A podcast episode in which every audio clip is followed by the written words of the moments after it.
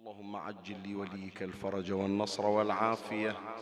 وانصره نصرا عزيزا وافتح له فتحا يسيرا وهب له من لدنك سلطانا نصيرا. رب اشرح لي صدري ويسر لي أمري واحلل عقدة من لساني يفقه قولي. يا كاشف الكرب عن وجه أخيه الحسين. اكشف كربي بجاه أخيك الحسين. نادي عليا مظهر العجائب. تجده عونا لك في النوائب. كل هم وغم سينجلي بولايتك يا علي يا علي يا علي. يا أبا الغوث أغثني. يا فارس الحجاز أدركني بلطفك الخفي ولا تهلكني. يا مولاتي يا فاطمة بنت محمد أغيثيني يا سيدتي. صلى الله عليك يا سيدي ويا مولاي يا رسول الله.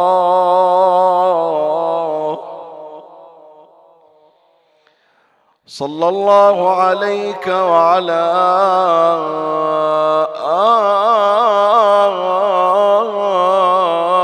آلك الطاهرين.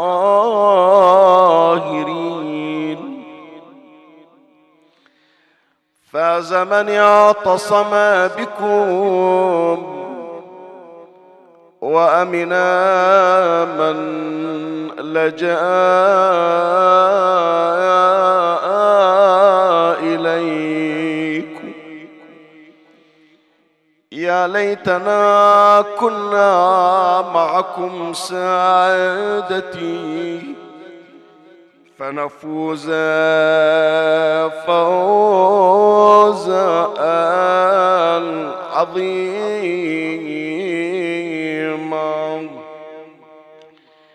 عن أم المؤمنين أم سلمة رضي الله عنها أنها قالت سمعت رسول الله صلى الله عليه وآله يقول ما قوم اجتمعوا يذكرون فضل علي بن أبي طالب إلا هبطت عليهم ملائكة السماء حتى تحف بهم. فإذا تفرقوا عرجت الملائكة إلى السماء فيقول لهم الملائكة إنا نشم من رائحتكم ما لا نشمه من الملائكة فلم نر رائحة أطيب منها. فيقولون كنا عند قوم يذكرون محمدا وأهل بيته. اللهم صل على محمد وآل محمد وعجل فرجه. فيقولون كنا عند قوم يذكرون محمدا وأهل بيته فعلق فينا من ريحهم فتعطرنا. فيقولون اهبطوا بنا إليهم فيقولون تفرقوا ومضى كل واحد منهم إلى منزله فيقولون اهبطوا بنا. حتى نتعطر بذلك المكان. اللهم اجعلنا من أصحاب المجالس التي يذكر فيها محمد وآل محمد.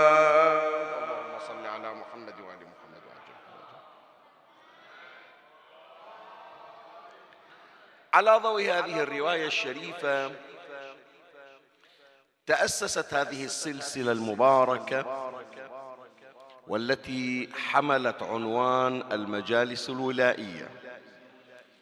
وقد تقدمت من هذه السلسلة حلقتان وأشرنا إلى أهميتها وأنها مقدمة وتهيئة وتوطئة للنفوس من أجل استقبال إمامنا صاحب العصر والزمان عجل الله فرجه الشريف. هذه المجالس من شأنها أن تربي النفوس أن تهيئ القلوب أن تخلق الإنسان الموالي المنتظر لإمام زمانه عليه السلام.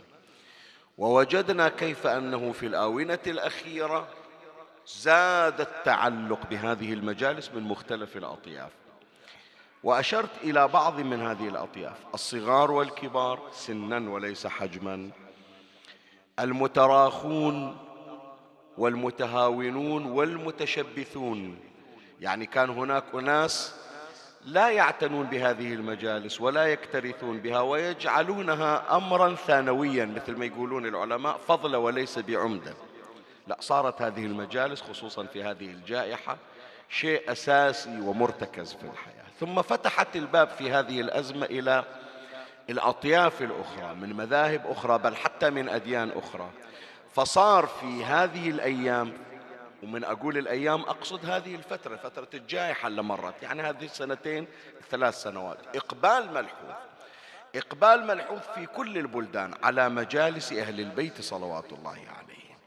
وخلصت إلى هذه الخلاصة أن هذا الإقبال وهذا التوجه الذي لاحظناه حتى أنه عوض أن تقلص المجالس ازدادت. وعوض أن تكون مجالس خاصة صارت مجالس عامة حتى البيوت الآن. إحنا الآن نقرأ في هذا المجلس الشريف وقاعدين وهناك نسخ متكررة في البيوت لهذا المجلس. وهناك من يعتني يعني ما يشاهده كما يشاهد أي فعالية أخرى. لا شوف الجلسة جلسة مأتم يقدمون مثلا كذا الضيافة والإطعام في البيوت. من بعد المجلس يعني كأنما يستنسخون صورة هذا المجلس الشريف. كل هذا من أجل تهيئة القلوب للقاء الإمام سلام الله عليه في زمن الظهور وعلينا أن نهتم بهذه المجالس أكثر من ذي قبل. فلهذا كانت هذه السلسلة المباركة. وأشرت في حلقتين مضيتا إلى أنواع المجالس الولائية. تحدث عن أربعة من أنواع المجالس الولائية. وفي الليلة الماضية تحدثت عن آثار هذه المجالس. من نجي نحضر شو نحصل من أثر ذكرت أيضا أنواع من آثار هذه المجالس. هذه الليلة مخصصة للحديث عن آداب المجالس الولائية. صح أنت تجي تحضر مقدار ساعة وتطلع. وترجو الثواب وترجو أن توفق أيضا لأن تكون من الباكين على الإمام الحسين عليه السلام لكن مطلوب من عندنا يا إخواني أن نتحلى بآداب تربينا عليها مجالس الحسين صلوات الله عليه يعني. مطلوب من عندنا أنه نغير برمجتنا إذا عندنا سلوكيات خاطئة لابد أن تكون أخلاقنا وآدابنا بحجم عظمة وقداسة هذه المجالس. إذا اعتقدنا بأن هذه المجالس مجالس مقدسة تحضرها أرواح أهل البيت مثل ما مرت علينا الرواية مو الملائكة أنا شرحت هذا الأمر في المجلس السابق. مو كل الملائكة تحضر المجلس حط بالك. تحتاج إلى توفيق الملائكة تحتاج إلى توفيق خاص للوصول إلى هذه المجالس. بحيث مفاد الرواية الشريفة أنه حضور هذا المجلس الشريف من الملائكة من ينتهي المجلس. وصعدون إلى السماء الملائكة اللي ما نزلوا وياهم يعني اللي ما عطوهم تذكرة للنزول ما عطوهم جواز للنزول قالوا لهم أنتم مو مرخوص لكم. خواص الملائكة اللي يحضرون في هذا المجلس. الملائكة اللي ما حضروا يطلبون من عندهم يقولون إحنا شمينا من عندكم رائحة إحنا بالجنة ما عندنا مثلها. إحنا بالجنة اللي فيها ما لا عين رأت ولا أذن سمعت ولا خطر على ما شمينا رائحة بالجنة مثل هالرائحة. هي من وين؟ يقولون هذه من مجلس ذكرت فيه فضائل محمد وآل محمد صلوات الله عليه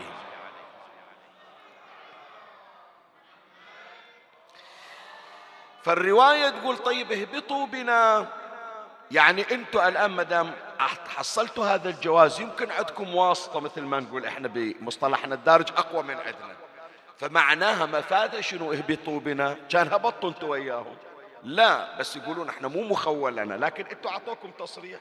فيمكن أنتوا عندكم قرب من الله يعطونا رخصة مثل ما أعطوكم. يعني توسطوا إلنا حتى نحضر في هالمجالس. الملائكة اللي نزلوا يقولون لا حتى لو توسطنا لكم ما تستفيدون لأن الجماعة اللي حضروا بالمجلس خلاص انصرفوا والمجلس انتهى الخطيب طلع سدوا الحسينية كل واحد راح لبيته فيعني حتى لو توسطنا لكم المجلس انتهى. شوف طمع الملائكة شوف طمع ورغبة وتشوق الملائكة إلى هذه المجالس. يقولون ما يخالف. حتى لو رواد المجلس خطيبهم صاحب المجلس حضور المجلس راحوا وسدوا باب الحسينية اهبطوا بنا حتى نتعطر بذلك المكان. يعني هذا اللي قاعد في مجلس أهل البيت كسب رائحة خاصة رائحة من روائح الجنة المميزة التي لا تشمها سائر ملائكة الجنة. حصلناها ببركة أهل البيت عليهم السلام. تقول شلون حصلنا؟ إي نعم. لنبشر أنفسنا أنا قد طهرنا بولايته يعني هذه الرائحة اللي حصلناها إلا الملائكة ما شمت مثلها من وين حصلناها؟ من رائحة محمد وآل محمد صلوات الله عليه اللهم صل على محمد وآل محمد. فيقولون يمكن بقايا الرائحة ظلت بالمكان. هم راحوا لبيوتهم.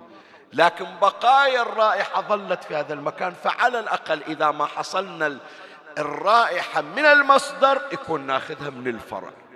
طيب فإذا مرت علينا هذه الرواية وغير هذه الرواية تشير إلى عظمة وقدسية المكان. أليس حري بنا أن تكون لنا آداب خاصة تناسب قداسة المكان؟ إلا الملائكة تطمع يا إخواني فكروا هذه الروايات حطوها في بالكم. شاء الله توفقون أنه تنكتب تخلي يصير عندك مثلا تطلعها من جوجل تخليها عندك بالموبايل بالآيباد. بين فترة وثانية ارجع لها قول هذول الملائكة اللي يتمنون النزول في المآتم والحضور في مجالس أهل البيت. طيب في الجنة هم عندهم أنبياء 124 ألف نبي ورسول. مو صحيح. عندهم شهداء. خو يقعد ويا نبي من الأنبياء يخدمه هناك بالجنة بدل ما يحضر بالمجلس. لا. هناك أسرار وقداسة خاصة. فلهذا بعض من علمائنا يا أحبائي بعض من علمائنا يقول هذه المجالس ينبغي أن تعامل معامل روضات الجنة. لو أن الله يعطيك باكر يوم السبت أول شعبان نطلعك من الكرة الأرضية مثل ما عرجنا بالنبي نعرج بيك نوديك للجنة تشوف الجنة شبيها ونرجعك. مثل ما إدريس الله وداه إلى الجنة حتى يشوفها وظل هناك. طيب أنت راح تتعامل في الجنة مثل ما تتعامل في أبو صيبة أو في البحرين أو في أي مكان؟ لو لا راح تكون عندك سلوكيات خاصة آداب خاصة طبيعي. إحنا يا إخواني يوم ندخل على قبر الحسين عليه السلام مو مثل ما ندخل على نادي أو على صالة أو على بيت أو على مجلس. فالمفترض أن هذه الاماكن رياض الجنة نعاملها على أنه طابين الجنة. فلا الله يوفق أنه كل ليلة يحضر في المجلس يعني السنة كلها هو ومو من أهل الدنيا هو من أهل الجنة. عرفنا؟ خلاصة الكلام غرضي من هذا البحث في هذه الليلة الحلقة الثالثة أن نخلق لأنفسنا برمجة جديدة. بحيث إذا شافونا وشافوا أخلاقنا وشافوا آدابنا يقولون أنتم منين هالتربية هذه؟ عاشرنا أناس لكن مثل ما عاشر مثل ما عاشرناكم ما شفنا. أنتم مختلفين، شنو السبب؟ فأنت بكل افتخار وبكل اعتزاز ارفع رأسك وقل أنا تربية مجالس الحسين صلوات الله عليه يعني. أذكر لكم قضية يا إخواني هذا حتى أخوض الآن في غمار البحث أحد أصدقائي من المسيحيين من أهالي لبنان لا زالت بيني وبينه وبين أسرته علقة خاصة. رجل جدا محترم يعني. وسبب المعرفة سبب المعرفة أن هذا الشخص اللبناني المسيحي يشتغل في تركيا في إسطنبول. وهناك واحد أيضا من أهل البحرين من أصحابنا مقيم هناك للعمل. صارت الجائحة 2019 2020 أزمة كورونا. وصار مثل ما تعرفون حجر الناس ما تطلع من بيوتها. هو ما كان يعرف هذا صاحبنا البحراني الأزمة خلتهم يتعارفون. هو صاحبنا هذا البحراني شافه قال محتاج شيء كذا كان استمرض كان يداري يدير باله عليه. فنشأت بينهما علاقة. أنا سمعت القضية من صاحبي صديقي البحراني وهم أيضا صاحبي هذا المسيحي اللبناني سولفت وياه ونقل نفس القصة. فيقول لي تعبيره يعني مولانا إحنا نقول شيخنا يقول مولانا أنا عقلي توقف هذا صاحبنا اللي من البحرين شاب وسيم وأنا أعرف الشاب في مثل هذا العمر لا يبقي شيء من ملذات الدنيا إلا ويطرق بابه. ما أريد الآن أنه أذكر بعض القضايا اللي ذكرها بالتفصيل لا أنا أعزف عنها. بس يقول يعني هذا إحنا أمر معتاد عندنا لما نشوف واحد بالثلاثينيات بداية الأربعينيات. يمارس المحرمات صح نعرف بأن هذا غلط بس نقول الأمر طبيعي شاب لازم يأخذ فترة الشباب يستغلها في ملذاته وفي شهواته. بس يقول هذا صاحبنا غيرني أنا. يعني لا يشرب مسكر لا يتعاطى مخدر لا يرتكب محرمات في علاقات غير مشروعة. وأنا تصورت أنه شخص معقد قلت يمكن هو عنده أزمة نفسية وبحاجة إلى طبيب. أقول ثم أنت الآن في في إسطنبول في تركيا وأهلك بالبحرين. فطبيعي يعني أمر مشروع عرفا مو مشروع دينا ولا عقلا لكن عرفا عند الناس طبيعي واحد. لو يمارس المحرمات في بلد غربة وانقطاع عن أهله ما حد يلومه. قال هو كلمة وأنا قلت. هالكلمة عقبت وثنيت عليه. هو يقول ذكر اسمه يعني أنا ما مرخص أنه أذكر اسمه. قال ترى أنا من رواد المآتم. أنا من فتحت عيني إلى هذا العمر. وأنا إيه نعم أتردد على المأتم. فأنا لو ارتكبت هي المحرمات اللي تحكي عنها مسكر مخدر كذا أروح مثلا إلى أماكن الانحرافات. بأي عين أدخل إلى مأتم الحسين عليه السلام.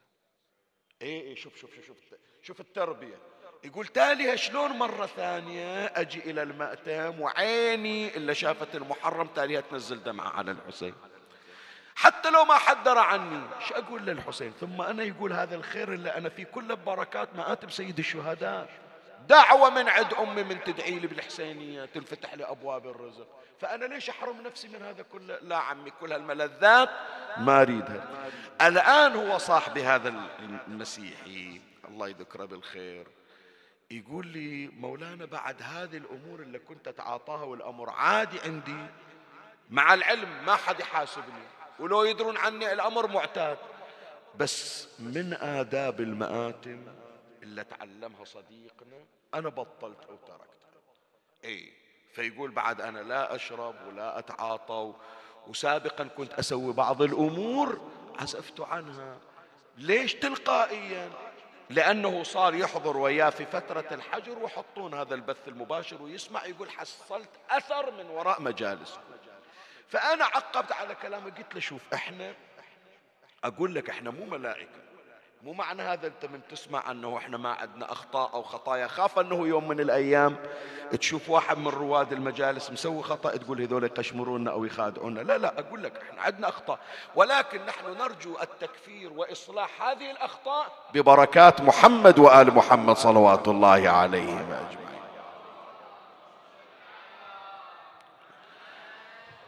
وإذا شايف التميز عندنا وأنه نتجنب على الأقل كبائر الأمور أن نرتكبها هذه من آداب المجالس. فلهذا بكل فخر هذا خليت نقطة آخر السطر في حديثي معه أقول له إحنا بكل فخر تربية مآتم الحسين عليه السلام.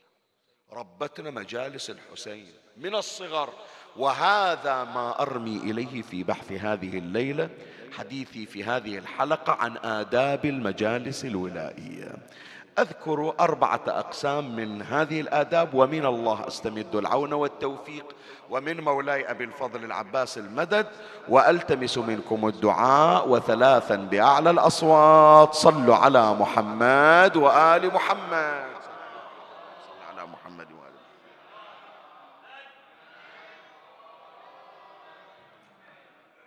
اللهم صل على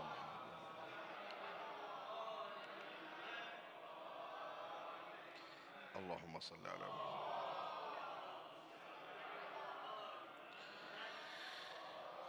أول قسم من أقسام الآداب في مجالس أهل البيت اللي نعبر عنها المجالس الولائية إن نطلق عليها بالآداب العبادية. وهذه الليلة يا إخواني مع العلم أنتم مو بحاجة إلى توصات يعني بالعكس أنتم تعلمونا إحنا نتعلم من عندكم لأنه أنتم عندكم مخزون كبير. وإنما هذه من باب المذاكرة ليس إلا وتواصوا بالحق وتواصوا بالصبر. هذا من نوع من أنواع التواصي. توصيني وأوصيك. إخواني مو فقط والله حضرنا بالمجلس والله وفقنا للبكاء والله وفقنا للطم وإنما هذه التهيئة التي تحبها القلب التي يحبها القلب. أنت جنابك تحب هذا الخطيب وتحب تستمعه.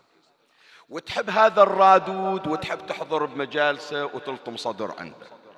يعني شيء تتوق إليه النفس. المفترض حبك إلى الخطيب حبك إلى الرادود حبك إلى المجلس ترددك على هذه المجالس يفتح لك بابا لعبادة الله تبارك وتعالى. من حبك لمجلس الحسين تحب صلاة الله. من حبك للخطيب الذي يرتقي المنبر تحب ختم القرآن. من حبك لهذا الرادود اللي يلطم صدر تحب أن تتعاطى جميع الأمور التي تقربك إلى الله تبارك وتعالى. فلهذا شوفوا رواية الرواية الصادرة عن الإمام الباقر عليه السلام. الإمام عليه السلام يسمع عن شيعته أنهم يحضرون في مجالس العزاء. شوف شي يتمنى الإمام. قال أما والله لوددت أني معكم في بعض تلك المواطن. خلي أوقف عند هالعبارة. شوف أنت كم مجلس؟ يعني خلي أقول لك الآن. أيام محرم. كم مجلس تحضر من الليل إلى النهار؟ هي ميزة أهل البحرين ترى. ميزة أهل البحرين والمناطق المجاورة أنه لا يكتفون بمجلس واحد. لا تشوف خصوصا بعض المناطق من الصبح من الفجر إلى آخر الليل. من مجلس إلى مجلس. ومرهق ومتعب لكن حريص على الاستزادة. الإمام الباقر عليه السلام يقول أنتم في أيام محرم في غير أيام محرم خمسة ستة سبعة مجالس يقول أنا أتمنى مجلس من هذه المجالس يكون أجو أحضر وياكم. هذا منو اللي يحكي؟ الإمام الباقر عليه السلام اللي كان حاضر أرض كربلاء ويشاهد مصرع جده الحسين عليه السلام. قال أما والله لوددت أني معكم في بعض تلك المواطن. أما والله إني لأحب ريحكم. وأرواحكم. هي العبارة ضمها عندك لأني إلي حاجة فيها في نهاية المجلس. أما والله إني لأحب ريحكم وأرواحكم وإنكم على دين الله ودين ملائكته فأعينونا أو قال فأعينوا بورع واجتهاد. يعني الله وفقكم وحضرتوا المجلس. الله وفقكم وبكيتوا على الحسين. الله وفقكم ولطمتوا صدر. الله وفقكم وطلعتوا مشاية من النجف إلى كربلاء. هنيانكم. يلا الآن. مرحلة ثانية جاية. شنو المرحلة؟ اشتغل على تقواك. صير قريب من الله. يسمونه ممارسة التقوى. ليش؟ ليش الآن؟ واحد يقول خلاص لطمنا صدر. أنا أقول لك ليش. شوية أحط بالك للعبارة. شوف إحنا تعبتنا إخواني. يعني هذه أنا الآن ما أقدر أعطيك تفصيلاتها. يمكن أهل الحسينية هم أدرى. شوف من قبل محرم إلى متى نقول؟ مو إلى 13 محرم. متى ينشال السواد؟ إلى مولد النبي صلى الله عليه وآله يعني الاستعداد من عقب الغدير ابتدي من 19 ذي الحجة إلى 18 ربيع الأول. كم صاروا؟ تصير ثلاثة أشهر أربعة أشهر صحيح لو لا؟ اسأل الحسينيات كم مصاريف؟ كم تكلفة؟ كم تعب؟ على مختلف الأصعدة. بيجيب مثلا كذا احتياجات مجلس صار مثلا بعض الإصلاحات صار بعض الصيانات وما إلى ذلك ثم ما يرتاحون.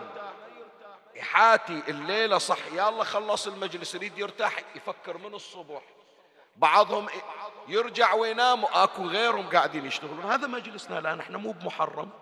إحنا بأيام المفترض أيام ارتياح وأيام كذا إجازة جاي لنا موسم شهر رمضان. نخلص المجلس نطلع الشباب الله يبارك فيهم. زين يظلون إلى منتصف الليل بين البث بين تقطيع يعني اللجنة الإعلامية وغيرها. وهناك من الجنود المجهولين اللي يمكن ما حد يعرف أسمائهم. طيب تخيل هذا التعب كله. وهالمصاريف وهالإرهاق تاليها من يحطونها في package ويودونها إلى الإمام الحسين. الإمام يقول لك سامحني X ما مقبولة. كثيرة لو مو كثيرة؟ شلون مو كثيرة عمي مو سالفة أنا أمن على الحسين والله دافع لك وعاطناك. الحسين ما محتاج إلي. السلام عليك وعلى ملائكة الله الحافين بحرمك الشريف المستغفر. عند ملائكة خدمة الحسين ما محتاج. ولا عند أبو فاضل ما محتاج إلى ياسين وغير ياسين ولا إلى الملائكة. إيه هو العباس في حد ذاته غنى الله للحسين عليه السلام. أنت العلامة من عسكري أنت مجمع عددي. يعني يقول أنت عطية رب العالمين إلي فأنا ما محتاج إلى شيء مدام عندي. كما استكفى رسول الله بعلي استكفى حسين بأبي الفضل العباس. ما محتاج لا إلى ياسين ولا إلى حسينية أبو صيبة. لكن إحنا تشرفنا بشرفهم وتطهرنا بطهارتهم. فأنا يوم اللي يقولون بأن هذا العمل اللي سويته ما مقبول. إيش أقول للحسين ذيك الساعة؟ أي خسارة أنا فيها؟ طيب شيخ شلون أضمن أن هالعمل مقبول؟ شلون أضمن؟ تعبي قرايتي تحضيري لطم الصدر بكائي شغلي المصاريف اللي صرفتها كلها حتى أحصل قبول العمل. شلون أحصل على القبول؟ مفتاح القبول ما هو؟ يقول نبينا محمد صلى الله عليه وآله اللهم صل على محمد قال رسول الله صلى الله عليه وآله لو صليتم حتى تكونوا كالأوتار. يعني يصير مثل ما نقول إحنا بمصطلحاتنا دق العود من الضعف من زود التعب في العبادة. لو صليتم حتى تكونوا كالأوتار وصمتم حتى تكونوا كالحنايا لم يقبل الله منكم إلا بورع أجيب الحسينية وباكر من أروح الشركة أو من أروح الوظيفة أخذ رشوة أخذ مثلا سحت أخذ ربا. وأرد أرجع أقول والله المجلس بكفر بحلل الحرام اللي أكلته ما يفيدك. الحسين يقول لك ما يفيدك. إيه نعم. أخلص من ساعة في الحسينية وأطلع وألاحق أعراض الناس والمستجار بالله ما يفيدك. الإمام يقول لك ما يفيدك. إحنا عطيناك فرصة للتطهير. انت عقب التعقيم رحت إلى الملوثات شو أسوي لك؟ انت ما مستفيد من عندنا. مو الخلل بمجالسنا الخلل بيك ما تريد تقبل. wire الكهرباء موصل والكهرباء ندفع لها فواتير. لكن هو القلب هو الليت هو مكسوس الخيط ماله هو مكسور. مو العيب في الكهرباء العيب في نفس هذا اللمبة مثل ما يقولون شايف؟ فإذا يا إخواني مطلوب من عندنا تقوى وورع. يقول الإمام الباقر عليه السلام واعلموا أن ولايتنا لا تنال إلا بالورع والاجتهاد. طيب. الآن يجون بعض من أولادي إخواني شيخنا وين نصير إحنا متقين؟ وين إحنا نصير أهل ورع حط بالك شوف هاي رسالة خليها عندك. من وين نصير إحنا أهل ورع وهالذنوب اللي عندي وهالمعاصي وهالخطايا اللي احاول اتخلص من عدها وما أنا قادر. معناها لا يفيدني لا لطمي ولا زيارتي ولا المضيف ولا كل هذا ما يفيدني. لا يفيد شلون؟ أنا أقول لك. شوف كلمة الإمام سلام الله عليه. ولكن أعينونا بورع واجتهاد وعفة وسداد. الإمام إيش قال؟ حط بالك.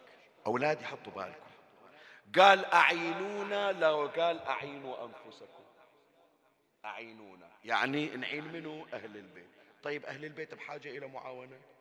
حاشا سادتي. بل هم هم عون الله. نحن نستعين بهم على أنفسنا ليش قالوا أعينونا؟ مع العلم أهل البيت لا هم أصحاب ذنوب بل هم أهل العصمة وأهل الطهارة. أنا اللي بحاجة للمعاونة مو هم اللي بحاجة للمعاونة. بس أهل البيت يوجهونك الرسالة. يقول بس قول أريد أتغير خلي الباقي علينا. أعيد الكلمة. بس قول أريد أغير روحي. بس قول أريد أعدل من أخطائي. بس قول أريد أصلح نفسي. عملية تقويم. أنت حط رجلك قطع الأميال عليه. مهما كانت الخطايا مهما كانت المعاصي مهما يريدون من عندك بس بداية يريدون من عندك تفتح الباب بس. قول أريد أتغير. قد واحد يقول شيخنا ذنوبي لا تعد ولا تحصى. مهما كان ترى اللي تسمع عنهم كانوا أصحاب خطايا. ما أريد أعدد أسماء. لا. كأنما قاعد تصيد على هي الأسماء الراقية. وإن كانت هي نماذج لكن أذكر لك مثل واحد. واحد من خدام أهل البيت. إلا شعرهم ما يمر محرم إلا نقرأ. واللي أهل البيت ترحموا عليه. كان أصحاب خطايا كان من أصحاب الخطايا. شو اسمه؟ يسمونه سيد إسماعيل الحميري. سامعين عنه سيد إسماعيل الحميري. سيد إسماعيل شاعر أهل البيت مجند نفسه فقط لنشر فضائل أهل البيت عليهم كانت عنده أخطاء. كانت عنده معاصي. الآن طبعا الروايات تذكر شنو المعاصي والأخطاء اللي عنده. بس هو تجربة سيد إسماعيل خلي أنقل لك ما أريد أقول لك شنو كان يسوي لكن مهما كانت عندك من أخطاء الأخطاء اللي كانت عنده أكثر من اللي عندك. بس شوف يوم عزم على التغيير شلون تغير. وشلون أهل البيت أخذوا بإيده خلي أقرأ لك كلام سيد إسماعيل الحميري اللي ذكر العلامة المجلسي في بحار الأنوار. قال السيد إسماعيل رحمه الله قد ضللت في ذلك زمانا فمن الله علي بالصادق جعفر بن محمد عليهما السلام. وانقذني من النار وهداني إلى سواء الصراط يقول أنا محسوب من أهل النار من أهل جهنم. لكن عزمت يوم من الأيام أغير بنفسي. تبدل وضعي وصرت من أهل الجنة. فلهذا هو نظم هذا الشعر. قال فلما رأيت الناس في الدين قد غووا. تجعفرت بسم الله في من تجعفروا. تجعفرت بسم الله والله أكبر. وأيقنت أن الله يعفو ويغفر. وإني إلى الرحمن من ذاك تائب. وإني قد أسلمت والله أكبر. جايب أنا قضية البارحة بس هم أريد الليلة أذكرها. إلى أولادي ولترسيخ سيد إسماعيل إلا الإمام سلام الله عليه من قالوا له عنه قال رحمه الله دعا له بالرحمة. وسماه سيد. سماه سيد ترى مو من نسل النبي هو من يقولون سيد إسماعيل ترى مو من أولاد النبي. ويمكن أزيدك معلومة ما تدري عنها. ترى أبوه وأمه كانا ناصبيين كانوا خوارج. يمر على بيتهم يقول بيت لطالما سب فيه علي وفاطمة صبيحتكم. الناس تخلص من الصلاة تقرأ قرآن أبويا وأمي يخلصون من الصلاة يسبون علي والزهرة. شوف يخرج الحي من وين؟ من الميت. تاليها هذا طالع من ظهر خارجي ناصبي يسميه سيد إسماعيل سيد. إلى الآن ما يقولون إلا سيد إسماعيل الحمير وقت الموت على الفراش. وثقيل حاله وما يقدر يفتح عينه ولا يقدر يحكي ظهرت نقطة سوداء في جبينه. يذكرونها ترى حتى السنة أبو الفرج الإصفهاني في كتاب الأغاني يذكرها شيخ عبد الحسين الأميني في آه، موسوعة الغدير يذكرها. ظهرت نقطة سوداء في جبينه. صارت تكبر. صار وجهه كله أسود. صارت رقبته صدره إذا إحنا يا جماعة عندنا ذنوب وخطايا وهذا يقول وين الله يغفر لي؟ أنت الحمد لله رب العالمين ما طلعت أثر المعاصي على وجهك وعلى بدنك. سيد إسماعيل ظهرت في آخر حياته. وليش؟ حتى تبين كرامة الاستنقاذ من أهل البيت له. صار جسمه كله كأنه قطعة فحم. إي والله.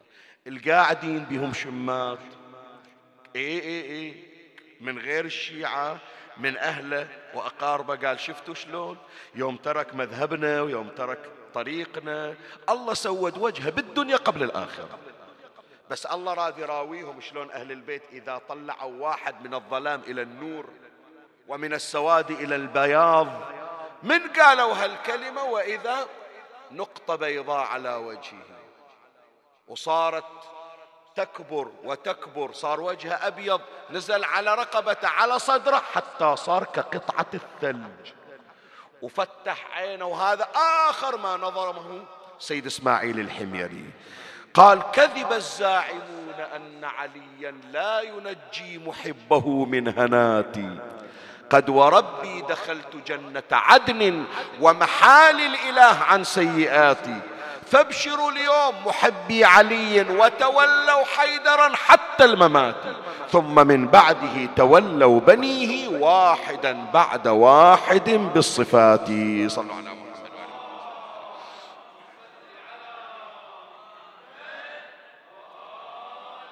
خلاصة هذا المطلب يا إخواني ونحن رواد هذه المجالس. مطلوب من عندي تقوى ووراء. واحد يقول ما أقدر ابتدئ. ابتدئ بالمحاولة. أهل البيت يأخذون إن شاء الله بأيدينا نحو الصلاح والاستقامة. فإذا أول قسم من أقسام الآداب في المجالس الولائية الآداب العبادية. واحد. القسم الثاني.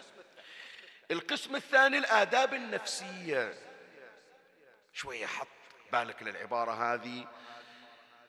لا يخفى على الجميع. إحنا قبل لا نجي المجلس تصير عندنا مشاكل نفسية مع الآخرين. مرة ببيتنا أنا وزوجتي أنا وأخويا مرة بالشارع واحد طالع بوجهي خلاني أنفعل. طالع أصلا من بيتي ذاكر الله وجاي إلى المأتم. صار لي موقف بالطريق خلاني معصب ودخلت إلى الحسينية معصب. مرات لا مرات مشاكل ومرات نزاعات نفسية. صار لها سنوات وهذا اللي يؤلم أكثر وأكثر. واحد صار عنده شيء في قلبه في الطريق ويقول جاي الحسينية حتى أنظف قلبي نور على نور.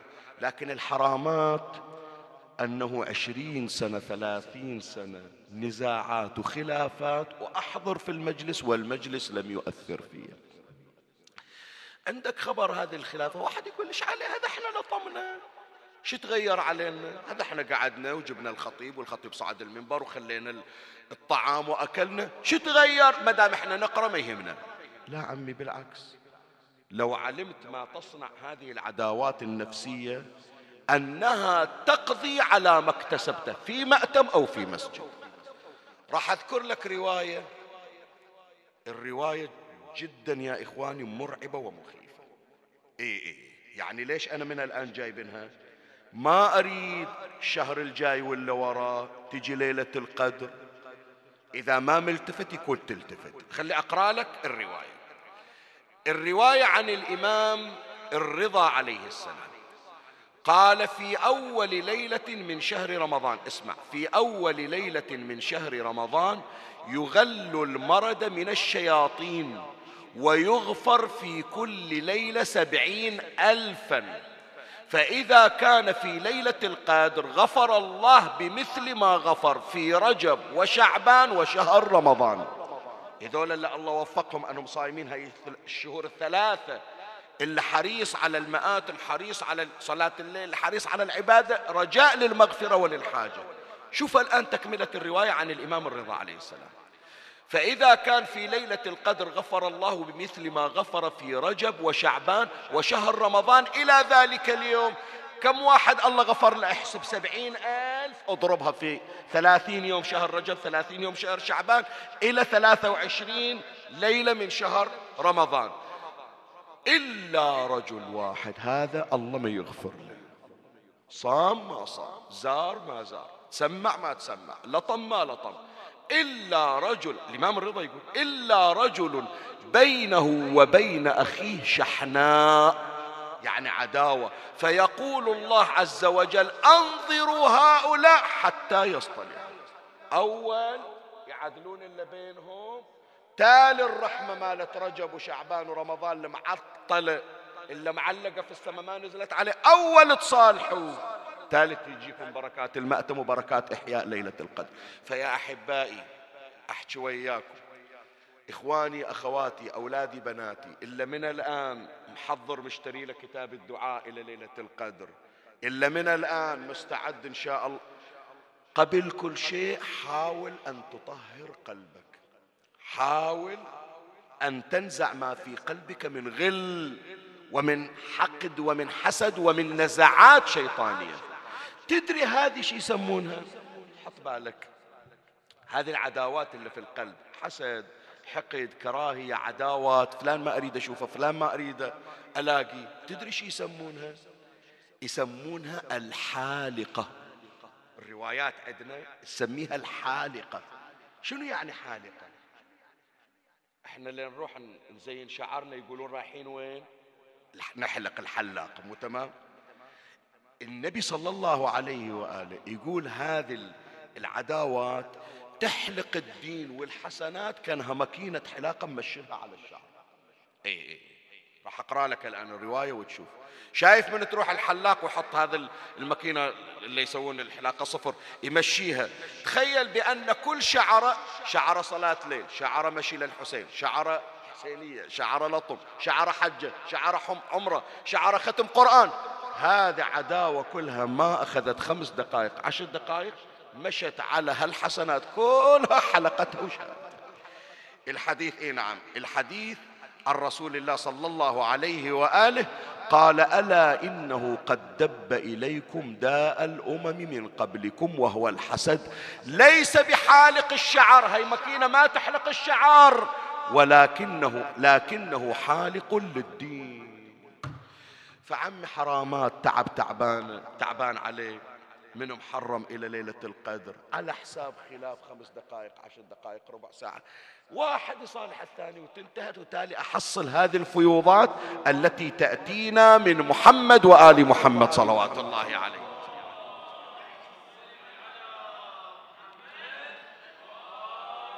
زين أنا أدري واحد يقول شيخنا صعب علي.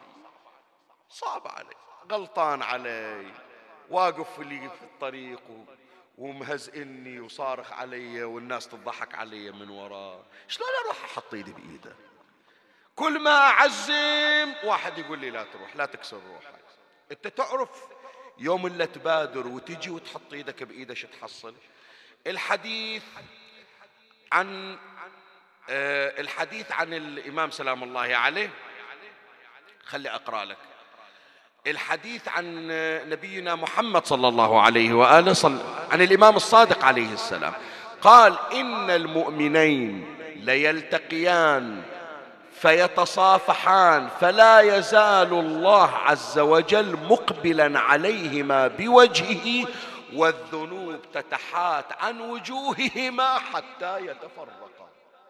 إيه هذا مثل ما نقول كسر الشيطان. ما يقول كسر روحه لا لا لا روحك طاهرة. كسر الشيطان اللي ملوث روحك. وقال لا أنا أسمع كلام الإمام الصادق ما أسمع كلامك. من تجي تحط إيدك بإيد هذا الشخص تبتدون في عملية السلام في عملية الالتقاء في عملية التحاب في عملية نعم التصافي. الرواية تقول الذنوب خلاص كلها طاحت إلا كانت حايلة بينك وبين هاي الرحمات من كسرت نفسك ومن التقيت مع أخيك تنازلت وتحاتت وتساقطت عنك. فمولاي الكريم إذا من هذا القسم الثاني نقول أن العداوات تحرمنا من الأجر تحرمنا من الثواب. عملنا اللي تعبانين عليه إلا صار لنا سنوات إلا مستلمينا من خمسين سنة سبعين سنة مسوينا أبويا وجدي هالحسينية ما أثرت فيها ببركة ما ببركة بأثر خلاف مدة ربع ساعة. وتدري أكثر شيء يحرمك من هذه العداوة شنو؟ الآن توجع قلبك الحكاية. أكثر شيء إلا فعلا تحس أنه على شنو؟ لا والله ولا عداوة ولا خلاف. أنت تعرف يا جماعة حطوا بالكم أولادي. إحنا عقيدتنا أنه من نحضر في مجلس؟ منو حاضر ويانا في المجلس؟ أحسن أهل البيت صلوات الله عليه الإمام الصادق عليه السلام يقعد عند الباب يقولون له لم لا أخذت صدر المجلس؟ قال كيف أتصدر المجلس؟ وفيه جدي رسول الله وجدي أمير المؤمنين. بالصدر. فأنتم من تسمعون أهل البيت حاضرين بالمجلس. ما تتمنون تشوفونهم شلون ما نتمنى عمي؟ إحنا نتمنى نحط عيننا على قبة الحسين. شلون أشوف الحسين قاعد عندي بالمجلس؟ لا والله أتمنى بمجلس وأشوف وجه رسول الله. شوف الرواية الآن. قد ما هي تبعث على الأمل لكن تكسر الخاطر. تدري الرواية عن من؟ عن إمامنا الحجة بن الحسن. عجل الله فرجه الشريف. يذكرها العلامة المجلسي على الله مقام في بحار الأنوار الجزء الثلاثة وخمسين صفحة 177 قال ولو أن أشياعنا وفقهم الله لطاعته على اجتماع من القلوب في الوفاء بالعهد عليهم لما تأخر عنهم اليمن بلقائنا. ولتعجلت لهم السعادة بمشاهدتنا على حق المعرفة. يعني شنو؟ يعني مو في زمن الظهور في زمن الغيبة. أجي يقول أنا يمكن حاضر وياكم بالمجلس لكن ما تعرفوني وطلعت. لو أنه تشيلون النزعات اللي بقلوبكم والعداوات أجي أحضر تعرفوني أنا صاحب الزمان. كرامة لمحبتكم ولتصافيكم. ولتعجلت لهم السعادة بمشاهدتنا على حق المعرفة. وصدقها منهم بنا. فما يحبسنا عنهم هذا اللي أقول لك توجع القلب. فما, يحب فما يحبسنا عنهم إلا ما يتصل بنا مما نكرهه ولا نؤثره منهم. والله المستعان وهو حسبنا ونعم الوكيل. خلي أوقف وياك عند هالعبارة. إلا أقول لك فعلا مثل الملح على الجرح. تخيل يوم من الأيام صاحب الزمان عجل الله فرجه الشريف. اللي يقول ولئن أخرتني الدهور وعاقني عن نصرتك المقدور لأمدبنك صباحا ومساء ولأبكين عليك بدل الدموع دما. يقول اليوم أريد أبكي على جد الحسين. سمعت بأبو صيبة بني جمرة بسترة عندهم حسينية قلت خلي أروح أقعد أبكي وياهم. يجي الإمام خاطرة يقعد ويانا. لكن ذاك البعيد يسمع عن الخلاف يسمع واحد شايل بقلبه. على الثاني يهون الإمام ما يدخل. إيه هاي الرواية هالشكل يقول أنا جاي أريد أقعد وياكم أروح إلى منو؟ إلى نواصب. لو أجي أقعد وياكم أنتم أقرب الناس إلي. لكن يقول هذه العداوات أنا ما أحبها. العداوات منشأها الشيطان وإحنا منشأنا النور مو الظلام. أنتم اللي تطردون. أنتم اللي تسدون الباب بوجهي. ولهذا شوف عبارة الإمام بالأخير يقول والله المستعان. يقول الله يعيني. شايف لما أولادك الاثنين يصير بينهم الله لا يقول خلاف. لا تقدر تطرد هذا ولا تقدر لكن تقول الله يصلحهم. الإمام يقول الله يعيني. الله إن شاء الله يوفقني وأقدر ألف بينهم. فيا إخواني الأدب الثاني من آداب هذه المجالس آداب نفسية ما يخالف. على حساب أهل البيت نطرد ما في قلوبنا من عداوات ومن خلافات. القسم الثالث الآداب الاجتماعية. حتى الآن ما بقى عندنا شيء خمس دقائق نختم حديثنا. مطلوب من عندنا يا إخواني هذا صاحب المجلس. مو بس صاحب المجلس كل واحد من عندنا صاحب المجلس. إيه؟ شيخ ياسين من يصعد على المنبر يعتبر نفس المجلس. مجلس يدير باله عليه. أبو المجلس حج إسماعيل حج كلهم حج خليل من يجون يقعدون يعتبرون نفسهم مسؤولين عن الكل. هذه خدمة راح يقدمونها لأهل البيت. أنت يلي قاعد. مسؤول عن الخطيب مسؤول عن الطفل مسؤول عن المجلس. المجلس لو يتأثر تعتبر نفسك أنت المسؤول. بهذا التكاتف المجلس يتقدم كخدمة لأهل البيت صلوات الله عليه يعني. طيب الخدمة شلون؟ شيخ ياسين شلون أنت تخدم الحسين؟ أحضر مجلسي وأجي أقرأ أحفظ بيتين وأجي أنعاهم؟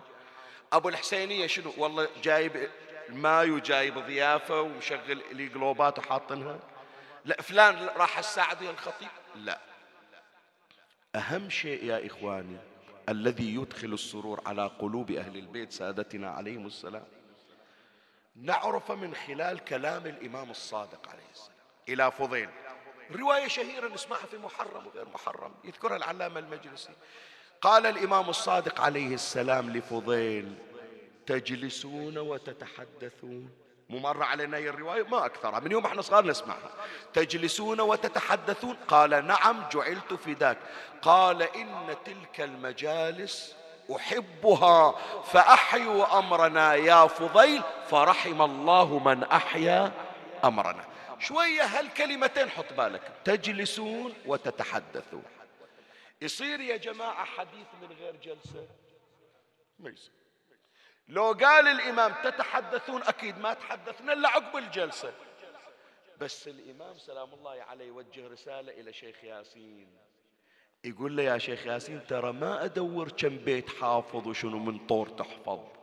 ولا أدور إيش حضرت ما حضرت. أريد علاقتك ويا أهل المجلس علاقة حسنة. ما يهمني أنت يا أبو المجلس كم صارف على الحسينية؟ مثل ما تهتم في الماي اللي تقدمه والطعام يكون مطلوب من عندك أن تحتوي الحضور وتجمعهم إلى قلبك. شلون؟ واحدة منها بحسن الاستقبال واحدة منها بحسن المجالسة. حتى الطفل الصغير الطفل الصغير أعامله كأنما السيد السيستاني قاعد عندي. كأنما الشيخ الصدوق الشيخ المفيد قاعد لأن هذا ضيف الحسين. حسين ما يفرق بين أضيافه. فأنا أولا أحسن استقباله واحد. ثانيا أحسن معاشرته ومجالسته. ثالثا وهو الأهم. يوم اللي يطلع ما أقول طلع وسديت الباب خلصنا وافتكينا لا. أقول إن شاء الله أحدثت في قلبه أثر بحيث يتشوق للعودة والرجوع. قصة مو قصة ساعة لا ربع ساعة قرينا المجلس وراح. يهمني هالولد إلى أن يصير عمره سبعين سنة ما يهد الحسينية. ويربي أولاده وأجياله. هذا اللي سووه آبائنا وأجدادنا يا إخواني. من أول الآن حسينيات صار لها سنة مئة سنة ومئتين سنة. شو اللي خلانا استمرار إلى الآن؟ كل جيل إلى حق الجيل الآخر. لأن هدف الأوائل ما فكر والله حطيت مأتم وانتهت. لا يهمني أنه قبل لا أضيف بطونهم أضيف قلوبهم. وتكون ذلك بنشر المحبة التي تحت مظلة محمد وآل محمد. صلوات الله عليه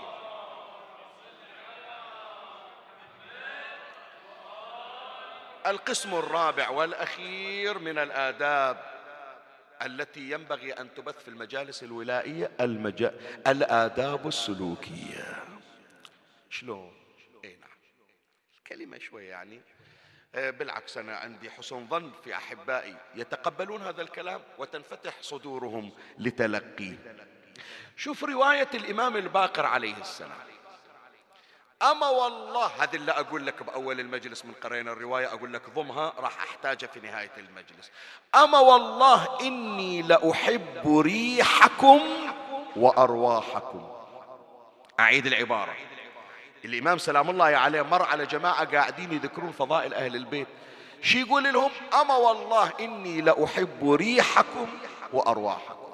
سؤال يا أهل الذوق يا أهل الفن يا أهل المعرفة يا أهل العلم. أيهما أهم الرائحة أو الروح؟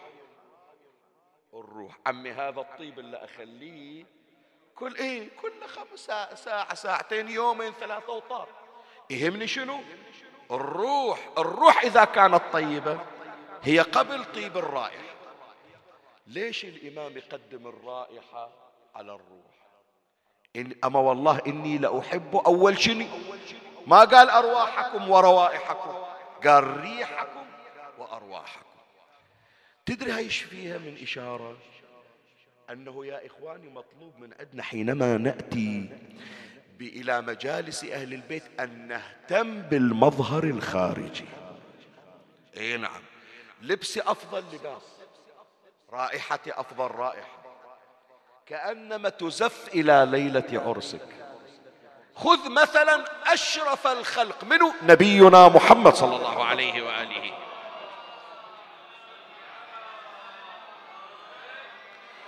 هل هناك رائحة أطيب من رائحة النبي؟ لا أبدا. تدري عرق النبي صلى الله عليه وسلم هذا مما اتفق عليه المسلمون. عرق النبي صلى الله عليه وسلم. يجون ياخذون أم سلمة تجي تاخذه وتخليه قارورة وتتطيب به فلا تجد رائحة أطيب من رائحة رسول الله صلى الله عليه وسلم. إجوا ناس إلى النبي قالوا له يا رسول الله بتنا راح نزفها وإحنا فقره وما عندنا شيء. وعادة البنت إذا راحت يجيبون لها أهلها تحفة هدية حتى ما تصغر بعين أهالي زوجها. فإحنا ما عندنا شيء. قال أنا هم بعد ما عندي شيء. لكن جيبوا لي قارورة. شيشة صغيرة. وتعالوا اليوم. النبي صلى الله عليه وآله كان الجو حار. نزع شيئا من قميصه فكان إذا تعرق سلت من عرقه. وصار يخليه بذيك الغرشة بذيك الشيشة. تطيبوا به فشاعت وفاحت رائحة النبي محمد في المدينة صلى الله عليه وآله.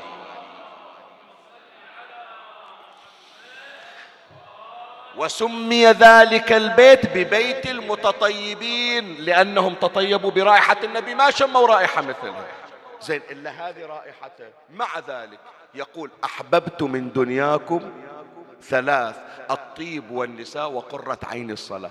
ولا يأتي إلى الصلاة إلا ويتطيب ويهتم بالطيب وهو سيد الطيب. أحبائي خلاص مجلس انتهى أنا حتى أخلي نقطة آخر السطر. اعتبر مجلس الحسين محراب صلاة. أعيد العبارة. اعتبر مجلس الحسين محراب صلاة. شلون أنت لما تروح إلى الصلاة يستحب لك أن تتطيب وتلبس أفضل ثيابك؟ هكذا في مجلس الحسين أنت جاي تستقبل أهل البيت. انت لو يقولون لك مسؤول جاي وراح يصورونك وياه تهتم بأفضل ثيابك وأفضل عطر. خاف يشمون من عندك رائحة. الإمام يقول أنا أشم روايحكم هي رسالة إلنا. يعني يوم اللي أريد أطلع من البيت للحسينية أفضل ألبس أفضل اللباس وأخلي لي أفضل الطيب. لأن هذا استقبال لأهل البيت. وإذا واحد قال لا ما يناسب لا إحنا قادتنا هم يعلمونا. وسيد من عرف الحسين منه؟ جابر بن عبد الله الأنصاري. إيه إيه إيه. هي نقراها إحنا بالأربعين لكن بحاجة إلى تأمل. جاي يوم الأربعين ومفجوع. وتوها أربعين يوم على مصيبة الحسين وقلبه يتلوى بحيث حتى عينه قام مشوف من هول المصيبة. ويا عطية العوفي. عطية رجل فقيه يقول أنا عرف جابر شقد يحب للحسين؟ وجاي محروق قلبه. خلي أعجل أوديه إلى قبر الحسين.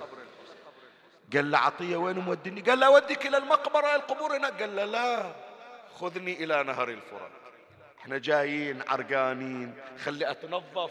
ترى داخل على الذين تت... على الذي تتشرف بزيارته الملائكة والأنبياء. مضى إلى نهر الفرات اغتسل لبس ثوبين طاهرين.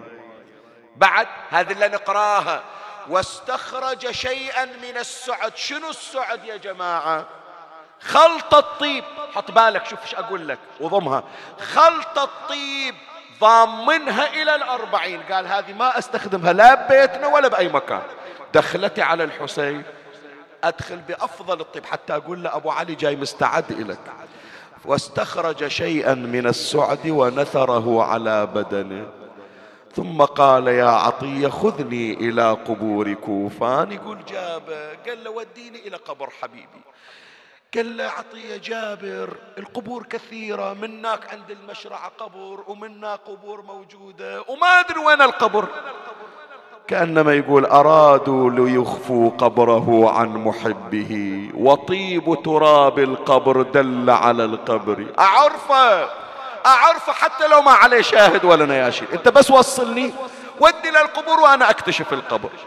كلما جاء إلى قبر تناول قبضة من تراب وضعها صوب أنفه شمها قال الطيب الرائحة طيبة لكن أنتظر رائحة ثانية. حتى جاء به إلى قبر أحمر اللون. تبين نحر الحسين بعدين بعدم يا جماعة. هذه التربة اللي طلعوها من قبر الحسين إلى الآن يوم العاشر تنضح دم شلون عقب أربعين يوم. قال له جابر جابر مناك أشوف قبر لكن لونه أحمر. قال وديني وديني وديني أحس قلبي بالمصيبة. جاب عند قبر الحسين جثى جابر على ركبته. وحط ايده على التراب وأخذ قبره وأدناها من فمه. صح. يلا عمي. القلوب متعطشة إلى زيارته قلوب محروقة ترى. كل ما نسمع الزوار جايين ولا يقول إن شاء الله الشعبانية إحنا هناك رايحين. شو يصير بقلوبنا؟ صح حسين! حسين. ثم نادى ثالثا يا حسين. ثم قال حبيب لا يجيب حبيب. شوف اللي يحب واحد يدور له الأعذار ما يتحامل عليه. قال وأنا لك بالجواب وقد فرق بين راسك وبدنك. وشخبت أوداجك على أثباجك.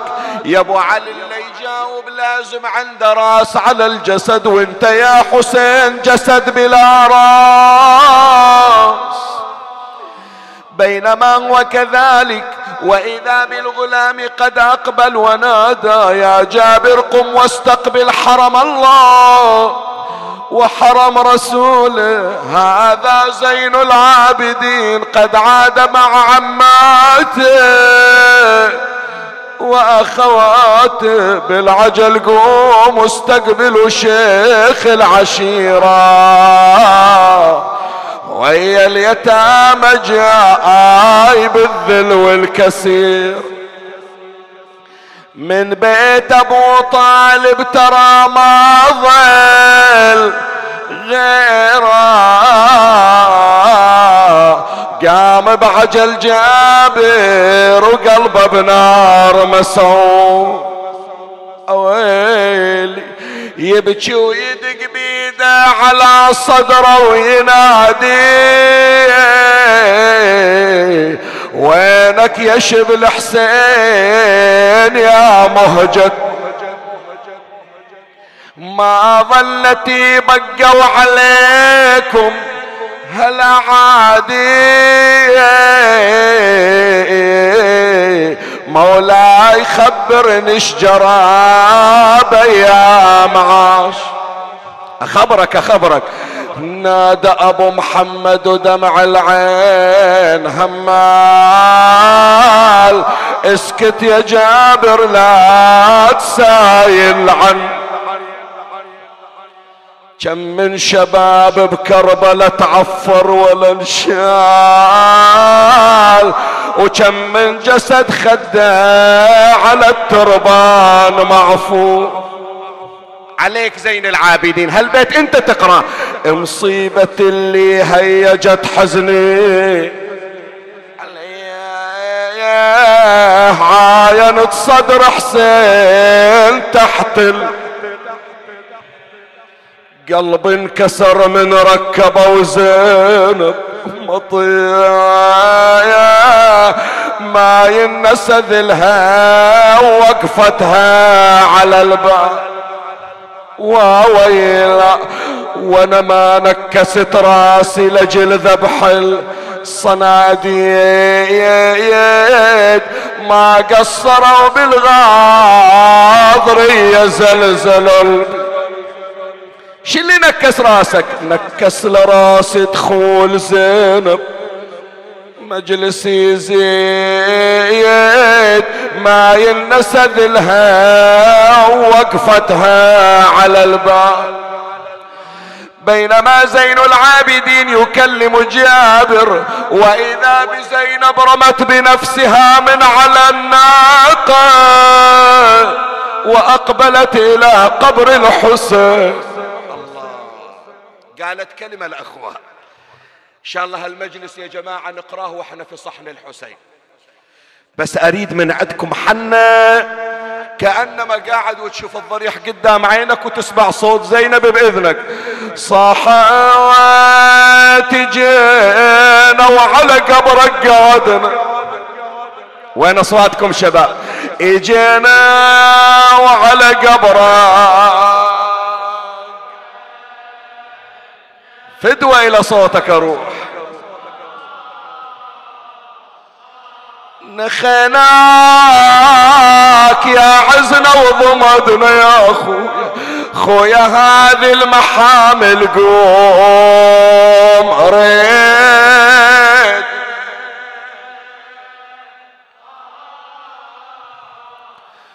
ردنا ردنا إلى أرض المدينة وطن جدنا خويا لو سايلون أهل المدينة. يا زينب أخوك حسين.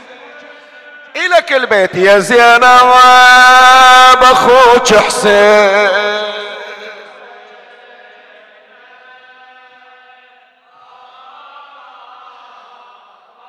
شقولان للي سايلني من الناس أخوك حسين. وين وين؟ عباياس أقول حسين ظل جثة بلا. يا دافن الراس عند الجثة احتفظوا بالله لا تنثروا تربا على قمري لا تغسلوا الدم. عن أطراف لحيته خلوا عليه خضاب الشيب والكبر. يا راجعين السبايا قاصدين إلى أرض المدينة ذاك المربع الخضر خذوا لكم من دم الأحباب. تحفتكم وخاطب الجد هذه تحفة السفر. أنا الموت ياخذني تمنى والأرض الوطن لا كان رديت خلى البيت يا إخواني. اللهم صل على محمد وآل محمد. اعتاد العلماء أنهم يقرون هذا الدعاء لكل حاجة متعسرة. وهذا نهاية الشهر الكريم ختمنا رجب. إن شاء الله نعود عليه في صحة وعافية. ولا نخرج منه إلا بعتق رقابنا من النار إن شاء الله. اقرأوا معي هذا الدعاء. يا من أرجوه لكل خير وآمن سخطه عند كل شر يا من يعطي الكثير بالقليل يا من يعطي من سأل يا من يعطي من لم يسأله ولم يعرفه تحننا منه ورحمه اعطني بمسألتي إياك جميع خير الدنيا وجميع خير الآخرة. واصرف عني بمسألتي إياك جميع شر الدنيا وشر الآخرة.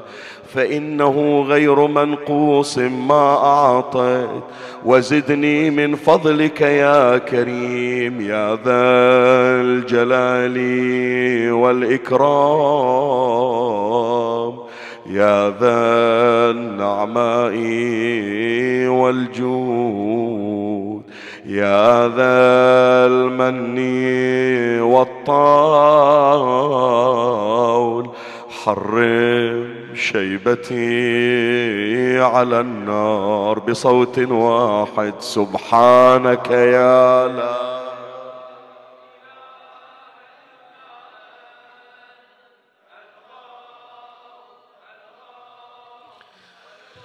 خلصنا وخلص والدينا وذوي الحقوق علينا وجميع المؤمنين والمؤمنات من نار جهنم. اقض حوائجنا يا قاضي الحاجات يا مجيب الدعوات يا سامع الشكايات. اسمع لنا واستجب يا الله.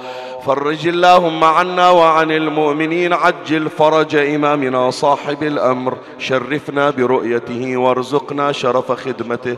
ترحم على أمواتي وأموات الباذلين. حاضرين والسامعين والمؤمنين أينما كانوا.